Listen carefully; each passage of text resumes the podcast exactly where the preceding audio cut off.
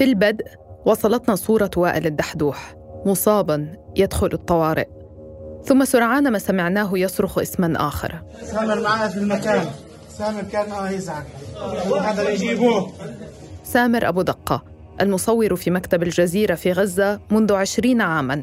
مصاب هو أيضاً لكنه لم يكن قادراً على المشي لينجو بنفسه كما فعل وائل. أتى صوت زميلنا هشام زقوط عاجزاً يطالب بإنقاذه. نحتاج إسعاف يا عالم نحتاج إسعاف لإنقاذ زميلنا الملقى على الأرض. تعلقنا لخمس ساعات أمام الشاشات بينما كانت المساعي في الكواليس على قدم وساق لمحاولة إجلائه. ماطل الاحتلال. قنص محيط المدرسة في البداية ثم ضرب بالمدفعية كل من اقترب منها. ثم أتى الخبر. وردنا قبل قليل باستشهاد الزميل سامر أبو دقة مصور قناة الجزيرة. استهداف مباشر. مرتين وإعاقة لوصول الطواقم الطبية. فهل تتعمد إسرائيل استهداف الصحفيين؟ ولماذا؟ ومن يمكنه ردعها؟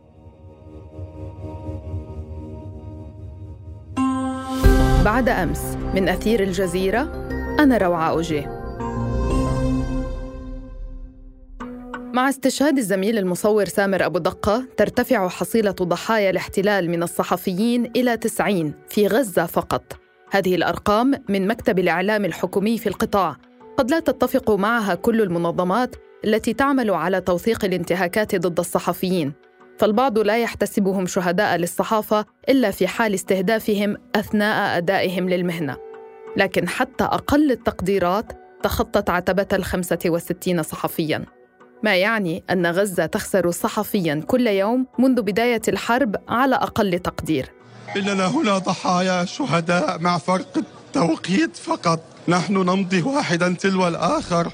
لا تحمل هذه الدروع ولا تحمل هذه القبعات. إنها مجرد شعارات نرتديها فقط.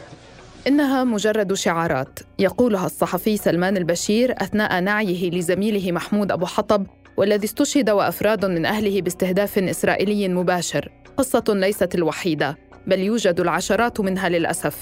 فهي حرب على الرواية. وإذا لم يستهدف الصحفي بشخصه تطال طائرات الاحتلال عائلاتهم. نتذكر زميلنا وائل الدحدوح عندما استهدفوا عائلته. تجموا منا في الأولاد. تجموا منا في الأولاد. معلش. وزميلنا أنس الشريف ومؤمن الشرافي واللائحة تطول سواء لصحفيين من الجزيرة أو خارجها. لكن في الأسبوعين الأخيرين ارتفعت وتيرة الاستهداف المباشر. في شهادة وائل الدحدوح بعد إصابته نتوقف عند الاحتياطات التي اتخذوها.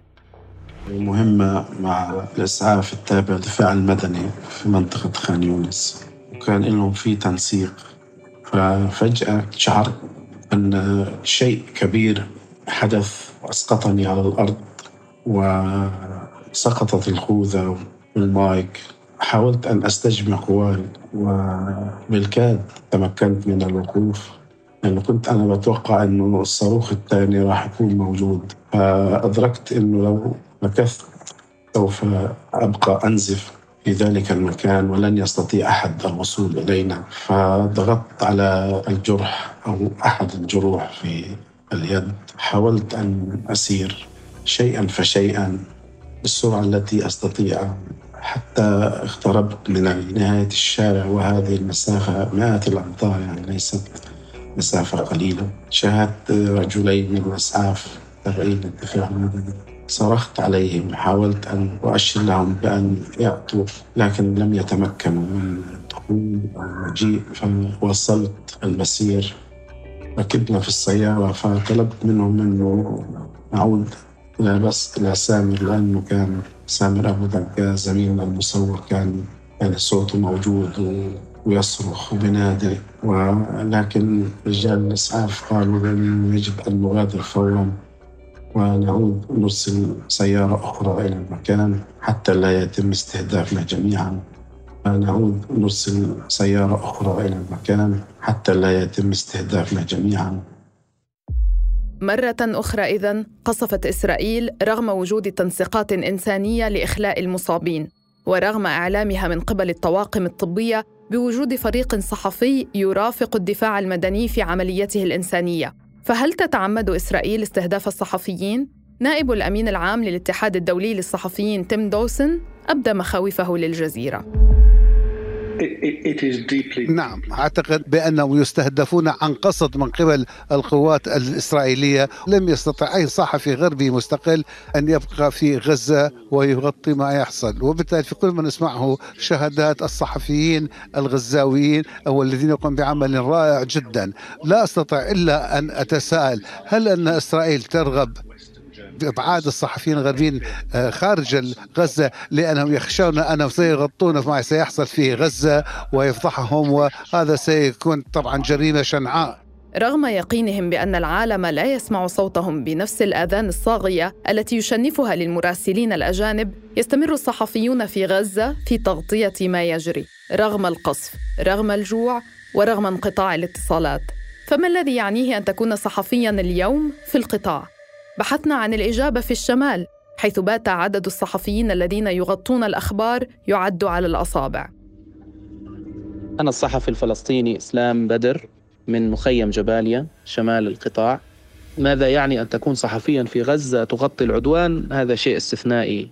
كنت في تسجيل as live إلى اشتباكات عنيفة فزملاء ردوا علي بأنه قد لا يكون موقعي مناسبا. الحقيقة ما في شيء ممكن نسميه مكان آمن أو زاوية آمنة أو موقع آمن. لا شيء لا شيء حرفيا يشبه ما يحصل الآن. الحرب هذه مختلفة من حيث الشكل ومن حيث المستوى ومن حيث العنف اللي ممارس ومن حيث القتل الإبادة.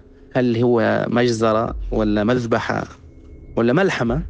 كيف يمكن الاستمرار في التغطية وأنت جزء من الخبر وجزء من المستهدفين؟ لما نشوف إنه عدد هذه غارة إسرائيلية لما نشوف عدد الصحفيين المستهدفين آه، أكيد هذا يثبت أنه الاستهداف هو استهداف دقيق آه، للصحفيين بمعنى هناك استهداف مقصود للصحفيين تكون صحفي وتغطي في ظل إنه الأهداف المرصودة للقتل هم أهلك وأحبابك وعوائلك. فهذا أمر مرهق. أنا شخصيا يعني لم أعتد الموت مع كثرة المشاهد اللي شفتها من أشلاء أطفال من رؤوس مفتوحة ومن رؤوس مقطوعة ومن أجساد مش... محروقة. اليوم صورت أجساد أطفال محروقة. مع ذلك رغم كل هذه البشاعة لم أعتد بعد. هذه المشاهد. أنا كل طفل مصاب أو شهيد بشوف في أطفالي كل امرأة مصابة أو شهيدة بشوف فيها زوجتي أو أخواتي أو أمي لا سمح الله. أنا أنا ما شفت أطفالي منذ اللحظة الأولى. يوم 7 أكتوبر تحركت من بيتي الساعة تسعة الساعة تسعة تحركت من بيتي. وإلى الآن ما شفتهم انقطع الاتصال فيهم كمان. نسأل إسلام بدر عن رأيه. لماذا تستهدف إسرائيل الصحفيين في غزة؟ الاحتلال معني بكتم الرواية الفلسطينية ولكن قبل أن نتحدث عن ذلك هو معني بقتل كل فلسطيني أيا كانت صفته وأيا كان موقعه وأيا كان عمره وأيا كان جنسه وأيا كان لونه وأيا كان أي شيء. طالما أنت فلسطيني فأنت ميت يجب أن تموت. فالصحفي يستهدف لأنه فلسطيني ثم يستهدف لأنه هو صوت الفلسطيني الذي ينقل الحقيقة. أنا يؤلمني أنه في مناطق في غزة الآن الآن وأنا بتحدث معكم ما فيها صحفيين. حاليا بعد هذه الأيام مع حصار المخيم تقريبا إحنا خمس صحفيين موجودين بنحاول ننقل الصورة للعالم لكن الشجاعية ما فيها صحفيين مثلا الزيتون أيضا ما فيها صحفيين. واللي بيصير فيهم لا يقل عن اللي بيصير في في جباليا من حصار ومن قتل ومن صمود ومن مقاومة. فأنا يؤلمني إنه الاستهداف الإسرائيلي للصحفي كصحفي بالقتل وبالاستهداف بالإصابة أو حتى بحرمانه من موارد الاتصال لأنه يعني في النهاية حتى قدرة الصحفي على التوثيق وواجبه في نقل الحقائق غير متاحة في ظل حصار إسرائيل على الاتصالات والإنترنت وخلافه. لم يتوقف الاحتلال عند حدود غزة في استهداف الصحفيين، بل طالت الاعتقالات والإصابات الصحفيين في الضفة أيضا. 30 صحفيا على الأقل يقبعون في الأسر منذ السابع من أكتوبر وفق نقابة الصحفيين الفلسطينيين. عدا عن العشرات ممن اعتقلوا ثم أطلق سراحهم وعشرات الجرحى بعضهم إصابته حرجة. أما خارج حدود فلسطين التاريخية فقد طالت نيران الاحتلال المراسلين على الحدود مع لبنان أكثر من مرة وحصدت أرواح ثلاثة منهم حتى الآن.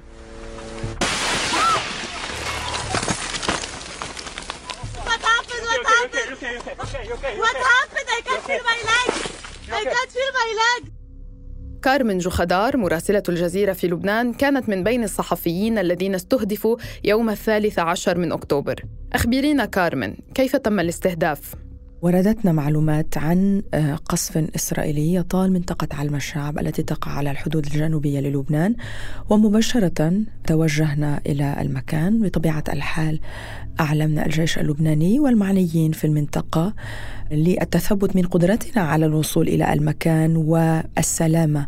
غيرنا الموقع لنتثبت أننا بأمان وسلامه وأن الموقع مكشوف بشكل كامل لا أشجار قربنا لا بيوت في تلك المنطقة بطبيعة الحال هذه منطقة حدودية وليس هناك من منازل أو من مواقع أو أي شيء أو حتى أبراج مراقبة حتى للجيش اللبناني. هي تلة من ضمن سلسلة تلال في منطقة علم الشعب مقابلة لموقع الاستهداف وموقع بالأحرى القصف الإسرائيلي المكثف. كل القصف قصف روعة كان يطال التلة المقابلة عند الحدود لأننا كنا نبعد كيلومترات عن الحدود. كل شيء كان هادئا من جهتنا على عكس التلة المقابلة التي كانت مشتعلة بالقصف. عند السادسة والدقيقتين بالتحديد استهدفنا بالصاروخ الأول استشهد الزميل عصام العبد الله وجرحت إحدى الزميلات ثم الصاروخ الثاني استهدف بشكل مباشر سيارة الجزيرة. كنا أنا وإيلي برخيا المصور قرب السيارة وأصبنا. أنا جروحي كانت متوسطة وإلي جراحه كانت بالغة كان من الصعب جدا يومها طلب المساعدة إيصال سيارات الإسعاف لأن إسرائيل تقوم بتعطيل كل خرائط وجوجل مابس وكل هذه التقنيات.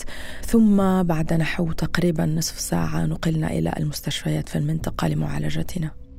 المشاهدون والمستمعون لا يعرفون فعليا كيف آه، نحن كصحفيين نعمل على تأمين المكان. لم يخضعوا هناك حتى زملاء في مهنة الصحافة لم يخضعوا لتدريبات الأمن والسلامة. عندما تقولين أنك أنت تستطيعين رؤية التله المقابلة هذا يعني أن المدفعية أيضا تراكم ترى بوضوح شارة الصحافة. هل يمكن أن تشرحي كل المعايير السلامة التي اتخذتموها؟ أولا الأهم أن تعلمي كل الجهات المعنية بمكانك تثبت أنك بأمان وأنه لا تحركات قصف أي شيء في المكان الذي أنت فيه، فنحن هذه الخطوة قمنا بها. الخطوة الأخرى أن المكان كان مكشوف بالكامل، لا أشجار، لا إمكانية للقول آه، من قبل آه، قوات الاحتلال أننا آه، ظننا أن هؤلاء الصحفيين هم مقاتلون أو أي شيء من هذا القبيل، فنحن في مكان مفتوح واضح يمكن رؤيتنا حتى بالعين المجردة. جميعنا نرتدي البثات المخصصة كان من الدروع الواقية أو حتى من الخوذ التي تشير إلى أننا صحفيون وبطبيعة الحال معنا كاميرات وسياراتنا هي سيارات آه، آه، صحفية. إذا هم يدركون ويعرفون تماما أننا صحفيون وبالتالي استهدافنا هو استهداف للصحفيين وبطبيعة آه، الحال نحن كصحفيين مدربون قمنا بالتدريبات في مؤسساتنا وأيضا مؤسساتنا لا ترسل صحفيين غير مدربين آه، أكان للتعامل مع أو لتغطية هذه هذه الأحداث أو حتى للتعامل مع أي طارئ قد ينجم عن هذه الأحداث. نحن في التاسع من أكتوبر كنا الصحفيين الوحيدين في منطقة مروحين عند الحدود الجنوبية أيضا. استهدفنا بصاروخ إسرائيلي أنا والزميل إلي برخيا وأيضا الزميل زين شمس الدين. كانت معنا سيارة بث وكان من الواضح جدا جدا أننا صحفيون ولكن ب لأننا الوحيدين الذين كنا ننقل على الهواء مباشرة آه، الاشتباكات التي حصلت القصف الذي يحصل. ربما هذا آه، ما لا يريده آه، الجانب الإسرائيلي وما لا تريده قوات الاحتلال. وتم استهداف سيارة للجزيرة أيضا بعد استهدافكم. في ثالث عشر من نوفمبر آه، كانت هناك مجموعة من الصحفيين دخلوا إلى منطقة يارون آه، وأطلقت أيضا آه، مسيرة صاروخين باتجاه الصحفيين وسيارة البث عربة البث للجزيرة دمرت بالكامل. جرح زميلان الزميل عصام مواسي المصور ومهندس البث وسام موعد. أرقام 60 ليس كثيرا مقابل 20 ألف. 60 أو 70 أو 100 هي ليست بالأعداد لأن كل صوت هو صوت كل أهالي غزة. فأنت تخسرين كل مرة صوتا يمثل أصوات أهالي غزة وينقل معاناتهم. فالخسارة ليست كفرد أو كمؤسسة أنت تخسرين رواية فرد عن عما يجري في الميدان. أنت تخسرين إمكانية إيصال مزيد من الأصوات. وإذا استمر هذا المسلسل كيف من الإمكان الاستمرار بتغطية هذه الحرب؟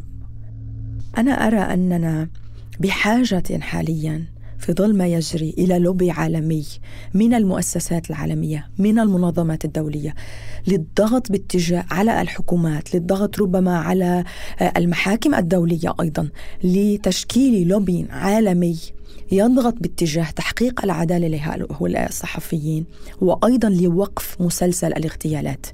لأننا اليوم ما تريده إسرائيل من خلال كل هذه الاستهدافات المتكررة ليس فقط إسكات الصحفيين وضع حد لأي رواية مغايرة لها. ليس فقط إسكات الصحفيين وضع حد لأي رواية مغايرة لها. بعد التحقيقات أكدت هيومن رايتس واتش أن القوات الإسرائيلية تعمدت استهداف الصحفيين في الثالث عشر من أكتوبر على الحدود مع لبنان. الاستهداف الذي أصيبت فيه زميلتنا كارمن وزميلنا إيلي براخيا مع ثلاثة صحفيين آخرين فيما استشهد الصحفي عصام عبد الله أحمد بن شمسي مدير التواصل في الشرق الأوسط وشمال أفريقيا في هيومن رايتس واتش يحدثنا عما توصلوا إليه. كانت لدينا أدلة آه، عديدة تشير أن الجيش الإسرائيلي كان يعلم أو على الأقل ينبغي له أن يعلم نظرا لكل الأدلة المتوفرة ومنها أدلة تقنية أن مجموعة الأشخاص هؤلاء الذين أطلق عليهم النار كانوا آه، ليس فقط مدنيين بل صحفيين يعني يرتدون قبعات وستر مكتوب عليها بريس وكانت هناك سيارة مكتوب عليها بريس. إذا هذه آه، يعني حادثة حيث تمكنا من توثيق عن كتب كون الجيش الإسرائيلي استهدف صحفيين مباشرة آه، علما منه على ما يبدو بكل وضوح أنهم كانوا صحفيين ما يشكل جريمة حرب. هيئة الدفاع عن الصحفيين الأمريكية رصدت تقريبا 60 صحفي تم قتلهم آه، في غزة من جراء القصف الإسرائيلي آه، وطبعا قوانين الحرب تفيد بكل وضوح بأن آه، أي ضربة جوية أو أي عملية عسكرية بصفة عامة يجب أن تتخذ باتخاذ كامل التدابير لتفادي استهداف المدنيين ومنهم الصحفيين. هذا التقرير يضاف إلى تقرير نشرته لجنة التحقيق الدولية المستقلة التابعة للأمم المتحدة والتي أكدت أن استهداف الزميلة شيرين أبو عاقلة قبل عامين هو أيضا كان استهدافا متعمدا من قوات الاحتلال في جنين. وما زالت قضية شيرين أمام المحكمة الجنائية الدولية فيما أعلن الجيش الإسرائيلي صراحة أنه لن يحاسب جنوده على جريمتهم. فكيف يحمي القانون الدولي والعدالة الدولية الصحفيين في غزة اليوم؟ وإسرائيل لم تمتثل له يوماً؟ جوناثان داغر رئيس مكتب الشرق الأوسط في مراسلون بلا حدود يجيبنا. ما في شيء عم بيحمي الصحفيين اليوم بغزة. ما في شيء بين الصحافة وبين الأزيفة أو القنبلة اللي ممكن توقع عليه من السماء. آه، ما في شيء يحميه وين ما كان بغزة إن كان برفح أو إن كان بخان يونس أو إن كان بالشمال. آه، ما في شيء بيحميه من القتل أو من الاعتقال أو من الإصابة أو بيحمي عائلته.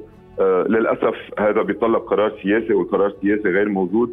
عم نسمع تعليقات غير مقبولة من الجانب الإسرائيلي من جهة بيقولوا إنه ما بيستهدفوا الصحفيين من جهة ثانية بنسمع تحريض على القتل مباشرة ضد الصحفيين بنسمع آه، آه، تخوين للصحفيين بنسمع مطالب بمعاقبة الصحفيين يلي بغزة. هذه كلها تصاريح مرفوضة وهي ضد ضد كل القوانين الدولية يلي بتعتبر إنه استهداف صحفيين جريمة حرب. ما كان في ضرورة ابدا إنه إنه إنه يتوفى اليوم آه، سامر أبو دقة. هذه بمثابة جريمة حرب ونحن عم نطلب آه، التحقيق بهذا الموضوع على هذا الأساس ورح نطلق آه، شكوى جديدة أمام المحكمة الدولية للتحقيق بهذا بهذه الجريمة. تقدمت شبكة الجزيرة إلى المحكمة الجنائية الدولية بطلب عاجل للنظر في القتل المتعمد لسامر أبو دقة في غزة. أشار بيان شبكة الجزيرة إلى أنه إلى جانب جريمة اغتيال أبو دقة على يد قوات الاحتلال الإسرائيلي في قطاع غزة سيتضمن الملف القانوني كذلك الاعتداءات المتكررة على طواقم الشبكة الصحفية العاملة في الأراضي الفلسطينية المحتلة والتحريض عليها. يضاف إلى الاستهداف الجسدي التحريض والاغتيال المعنوي الذي يطال الصحفيين خارج حدود فلسطين خصوصا الفلسطينيين العاملين في المؤسسات الدولية. أو غير الفلسطينيين الذين يعربون عن مواقفهم الداعمة لحماية المدنيين في غزة. لكن لا وقت اليوم سوى لحرمة الدماء. فقد حطم الاحتلال أرقاما تاريخية في قتل الصحفيين منذ السابع من أكتوبر.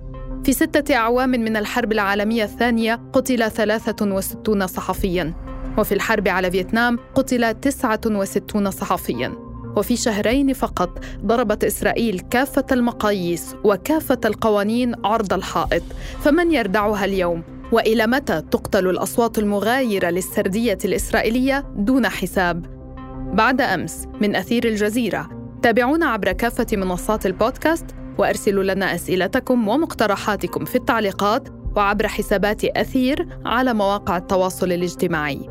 دمتم بخير ونلتقي بعد أمس.